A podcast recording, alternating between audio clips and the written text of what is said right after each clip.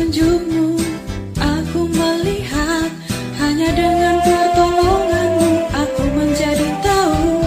Hanya dengan kekuasaan dan kekuatanmu Aku sanggup untuk terus maju Mendekat kalammu Mendekat kalammu Eh Torik, dari mana Rik? Kayaknya baru kelihatan. Ini Stad, saya habis maulidan sama teman-teman. Di mana Rik? Kok ngajak-ngajak? Di situ Stad, di masjid. Oh, coba deh sekarang Ustadz mau nanya. Kamu kan ikut maulidan tuh tadi. Kenapa sih emang kamu ikut maulidan? Saya sih ikut-ikut teman-teman aja Stad, salawatan. Ya gitu deh pokoknya. Nah gini nih kebiasaannya. Jadi ikut-ikut kebaikan nggak tahu alasannya. Ya baik sih ngikut-ngikut acara keagamaan. Tapi lebih baik lagi kalau kita tahu kenapa kita mesti menghadiri dan mengikuti acara tersebut. Oh, gitu ya Stad. Iya.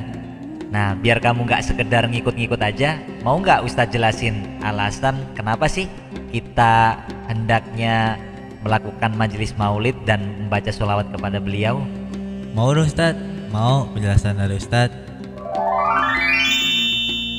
Sahabat edukasi yang dirahmati Allah, kembali berjumpa dengan saya Muhammad Nasirul Haq, salah satu pengajar di Pondok Pesantren Baitul Hikmah Depok dalam program Kalam, kajian akhlak muslim, suara edukasi Pusdatin Kemdikbud.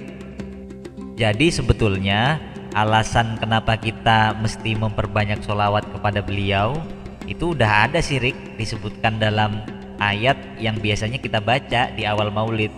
Kamu kan udah sering baca tuh. Nah, coba sekarang dibaca lagi. Ustadz pengen denger deh.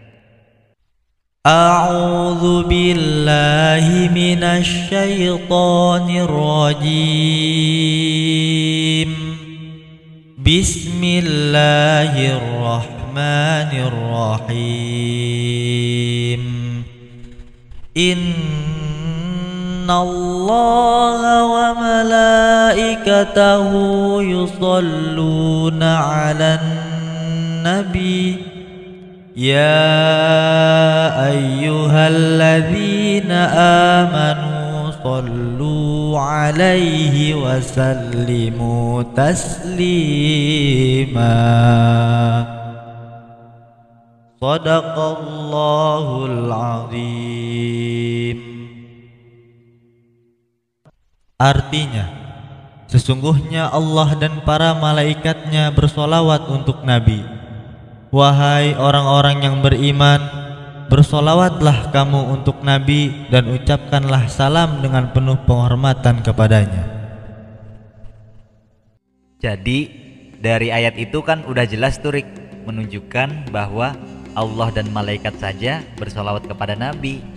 Apalagi kita sebagai umatnya, maka diperintah Allah untuk memperbanyak solawat kepada Nabi. Nabi. Nah, tapi harus diingat, Rik, kalau solawatnya Allah dan solawatnya para malaikat tuh beda dengan solawatnya kita. Oh, beda ya Ustaz? Iya. Apa kira-kira bedanya, Rik? Tahu nggak? Belum tahu Ustaz. Nah, jadi salah seorang ulama yang bernama Syekh Yusuf An-Nabhani menjelaskan dalam kitab beliau Afdolus Solawat ala Sayyidis Sadat bahwa solawat dari Allah itu berarti ar-rahmah al-makrunah bita'zim jadi rahmat Allah yang dibarengi dengan penuh penghormatan dari Allah Adapun solawat dari para malaikat itu bermakna istighfar dari para malaikat Nah sedangkan solawat dari kita umatnya bermakna kita mendoakan supaya Allah senantiasa menambah rahmatnya kepada Nabi Muhammad. Jadi gitu, Ri. Oh, jadi gitu ya Ustaz. Ah, ah. Tapi juga jangan dipahami kalau Nabi Muhammad tuh butuh sholawat kita. Kita kan tahu tuh Nabi Muhammad itu sudah makhluk terbaik Allah, kekasih Allah, Habibullah. Ya. Sebetulnya beliau sudah tidak butuh sholawat kita, tapi sebaliknya kitalah yang butuh pada sholawat kepada beli beliau. Nah, buktinya apa? Buktinya dalam satu hadis Nabi menyatakan man shalla alayya wahidatan sallallahu alaihi asyran barang siapa yang bersolawat kepadaku satu kali kata Nabi Muhammad maka Allah akan bersolawat akan melimpahkan rahmatnya kepada orang tersebut sebanyak 10 kali. Nah, kan luar biasa tuh Rik. Kita baca solawat sekali dibalas oleh Allah dan solawatnya dari Allah langsung sebanyak 10 kali. Jadi gitu Rik betapa istimewanya solawat sampai Allah dan para malaikatnya sendiri yang juga bersolawat coba kalau kita lihat nih kita bandingkan sama ibadah-ibadah yang lain misalkan ketika Allah memerintahkan sholat Allah kira-kira melakukan sholat nggak Enggak. Enggak. Ketika Allah memerintahkan kita untuk puasa, Allah sendiri puasa nggak? Enggak puasa. Nggak puasa kan? Allah memerintahkan kita untuk membayar zakat. Allah bayar zakat nggak? Enggak bayar. Nah, begitu juga Allah memerintahkan kita untuk haji. Apakah Allah naik haji? Enggak juga. Enggak. Tapi ketika Allah memerintahkan kita sholawat, itu dimulai sendiri dengan Allah dan para malaikat. Itu menunjukkan kedahsyatan dan luar biasanya sholawat kepada pada Nabi. Jadi gitu ceritanya hari. Oh, jadi gitu ya, Ustaz? Nah, nah sama ada nih waktu-waktu tertentu yang kita lebih dianjurkan lagi untuk memperbanyak sholawat.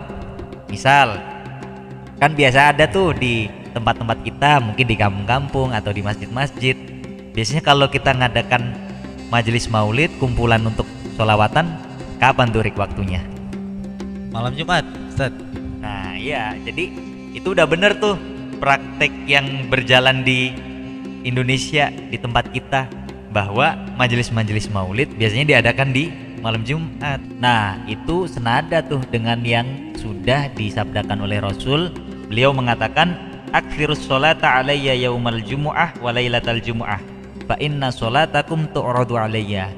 Jadi Nabi dalam hadis tersebut menganjurkan kepada kita untuk memperbanyak sholawat. Terutama kapan? Pada hari Jumat atau malam Jum Jumat. Nah itu menjadi alasan tuh kenapa kok di Indonesia atau di berbagai belahan dunia Islam biasanya maulid sholawatan itu dilakukan bersama-sama pada malam Jumat. Jumat karena ada perintah itu yang kedua kata Nabi sesungguhnya sholawat yang kita baca itu dihadirkan atau diberitahukan kepada beliau.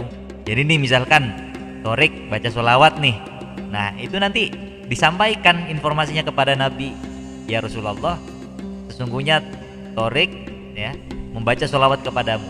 Nah dari situ kemudian Rasul juga membalas dan mendoakan sholawat kita. Jadi betapa istimewanya sholawat itu, Ri. Oh.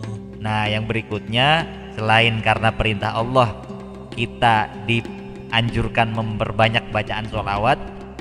Kenapa sih kita bersolawat kepada Nabi? Yang kedua juga karena betapa Nabi itu sangat mengingat umatnya. Kita kan umatnya Nabi Muhammad nih, Rik. Nah, Nabi itu buktinya ya menjelang wafat yang disebut beliau salah satunya adalah ummati ummati wahai umatku wahai umat. Artinya apa? Di akhir hayat beliau saja masih mengingat umatnya. Betapa beliau mencintai umatnya. Nah, hendaknya kita membalas kecintaan beliau dengan menumbuhkan kecintaan kita kepada beliau salah satunya dengan cara memperbanyak sholawat. Nah, itu kan bukti tuh Rik. Kalau kita mencintai seseorang kan mesti banyak menyebut namanya kan. Masa kita kalau mencintai sesama manusia biasa aja sering menyebut namanya, sering terbayang kan gitu. Masa kalau kita dicintai oleh Nabi dan kita ingin mencintai Nabi tidak banyak bersolawat kan gitu. Oh, begitu Ustaz. Wah, kalau begini saya makin paham nih dan makin semangat ikut majelis-majelis maulid. Terima kasih ya Ustaz atas penjelasannya. Ya, sama-sama Rik. Mudah-mudahan penjelasannya manfaat ya buat kita semua. Amin, amin. Sahabat edukasi yang dirahmati Allah, dalam kajian ini kita mengetahui bahwa sholawat merupakan amal ibadah yang punya banyak keutamaan. Pertama, karena itu langsung diperintahkan oleh Allah Subhanahu wa taala dan langsung dilakukan oleh Allah dan yang kedua, untuk menunjukkan rasa cinta kita kepada nabi kita, junjungan kita, Nabi besar Muhammad Shallallahu alaihi wasallam yang sangat mencintai umatnya. Demikianlah kajian kita pada episode kali ini. Semoga bermanfaat ya. Tetap dengarkan program Kalam di radio edukasi yang akrab dan mencerdaskan. Acara ini bisa diakses di website suaraedukasi.go.id atau aplikasi handphone TV Edukasi. Jangan lupa ya. Dekat dalam